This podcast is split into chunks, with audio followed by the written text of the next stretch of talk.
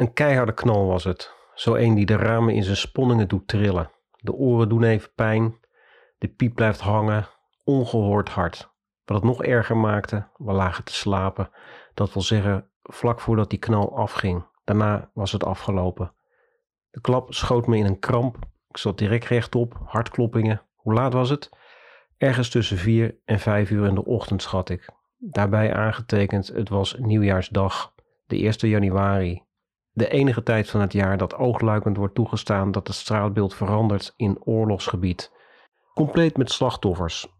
Er was hier sprake van een later verdwaalde granaat uit de categorie illegaal vuurwerk, zonder twijfel. We logeerden in een alleraardigst houten huisje gelegen aan het centrale kerkplein van Den Burg, de slaperige hoofdstad van Texel. Niet meer dan een dorp natuurlijk. Ver genoeg van onze woonplaats verwijderd om als vluchtbestemming te kunnen dienen tijdens de jaarwisseling.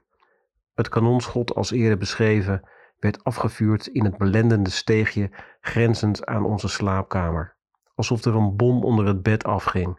Het Tesselse luchtafweergeschut had gefaald.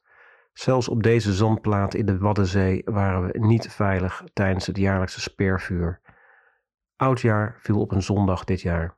Opvallend was dat in onze thuisnederzetting in de Eempolder de meeste klappen op zaterdag werden uitgedeeld. Immers, de schepper heeft niets tegen terreur, zolang de dag des heren er zelf maar van gevrijwaard blijft.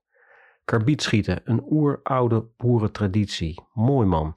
Het geeft een hoop herrie, zonder toeters en bellen. Veel geschreeuw, maar weinig wol. En dat is precies de bedoeling. De risico's bij karbiet lijken kleiner dan bij gangbaar vuurwerk. Dat valt dan ook niet onder het algemene vuurwerkverbod, als zo'n verbod al van kracht is. Al las ik wel ergens dat je met karbiet je ballen eraf kan schieten. Een onzalig neveneffect van dit volksvermaak en geen leuke start van het nieuwe jaar natuurlijk. Na het doorlezen bleek het te gaan om ballen afschieten. Speelballen waarmee de melkbussen met karbiet worden afgedicht om als onschuldige kanonskogels afgevuurd te worden door de karbietexplosie. Enfin, Den Burg. Het bleef er relatief rustig. Elders in de landen ging het weer flink los. Al rap na de jaarwisseling, beneveld door de goedkope kava, bereikten ons de eerste berichten van inmiddels traditionele veldslagen in de grote steden op de wal. In tekst, beeld en video kwam het feestgedruis in hoge resolutie tot ons. De met zwaar vuurwerk bekogelde hulpverleners en politiemensen, jongelui met bivakmutsen, vuurhaarden en uitgebrande autovrakken. Allemaal onderdeel van de volkse traditie die oud en nieuw heet. Het jaarlijkse feestje dat niemand ons afneemt, waar we met z'n allen recht op hebben. Hier hebben we een jaar lang naartoe geleefd, naar deze feestelijke uitbarsting van geweld onder de paraplu van siervuurwerk. Rellen tijdens de jaarwisseling, het verdient een nominatie voor een plekje op de lijst Immaterieel Erfgoed Nederland. Karbietschieten viel die eer al eerder te beurt, in 2014 om precies te zijn. Op nieuwjaarsdag laait ook traditiegetrouw de discussie weer op of dit allemaal wel moet kunnen. Dat 90% van de bevolking verplicht moet meegenieten van het vuurwerkfeestje van de overige 10%. Een incompetente, laffe overheid die zoals op zoveel dossiers ook hier geen maatregelen durft te nemen uit angst een paar kiezers te verliezen. Een onverantwoord risico. Het kan zomaar een zetel schelen, zo'n landelijk verbod. De dringende oproep van de politie, de noodkreet vanuit de zorg om hier nu eens echt mee te stoppen, vinden nog altijd geen gehoor bij de politiek. Inboorlingen, de oorspronkelijke bewoners van Nederland, zullen zich bovendien weinig aantrekken van zo'n mogelijk verbod. Waarom? Het is betuttelend, het beperkt de burger in zijn vrijheid en ook is zo'n verbod niet te handhaven, stellen ze, en daarmee onzin. En belangrijker nog, vuurwerk is nu eenmaal traditie. En tradities, daar wordt nu eenmaal niet aan gemorreld. Kort een blik terug in de tijd. Katknuppelen, net als ganstrekken, een vroegmiddeleeuws kwelspel, was ook ooit traditie. Is het daarmee een geoorloofde bezigheid die nooit afgeschaft had mogen worden?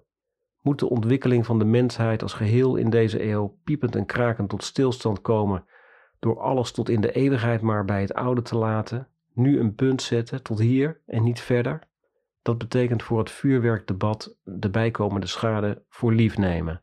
De afgerukte vingers, hele handen soms, de gehoorschade en verminkte gezichten, de verwoeste levens. om over de kosten van en de druk op de zorg en het politieapparaat maar te zwijgen. Conclusie: het recht op zelfmutilatie weegt zwaarder dan het algemeen belang. Zwaarder dan veiligheid, zwaarder dan veiligheid voor medelanders. Je kunt tenslotte ook een vuurpijl van iemand anders in je gezicht krijgen. Poging tot doodslag heet dat in het strafrecht. En nog iets: het ontwrichtende effect dat het vuurwerkgeweld heeft op de natuur. Vogelstress. Je zou je er iets bij voor moeten kunnen stellen. Iedereen met een hond of kat thuis weet wat dit met een dier doet. De oplossing lijkt verder weg dan ooit, sinds de laatste verkiezingen. Die ene oplossing, een algeheel vuurwerkverbod, die gaat er niet komen. Daar wil niemand in Den Haag de vingers aan branden, zolang ze die nog hebben. Met het Zwarte Pieten-debat nog vers in het geheugen, breekt ze het angstzweet uit bij de gedachte aan ingrijpen.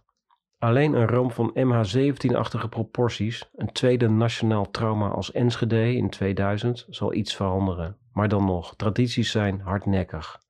Zoals het ook traditie is om de vuurwerkslachtoffers zo snel mogelijk te vergeten. De roep om een landelijk verbod kan weer voor een jaar in de ijskast. En een mogelijk aanstaand kabinet is met de kennis van nu als geen ander bereid om zaken in de ijskast te parkeren. Of dat een fris idee is? Ik heb zo mijn twijfels.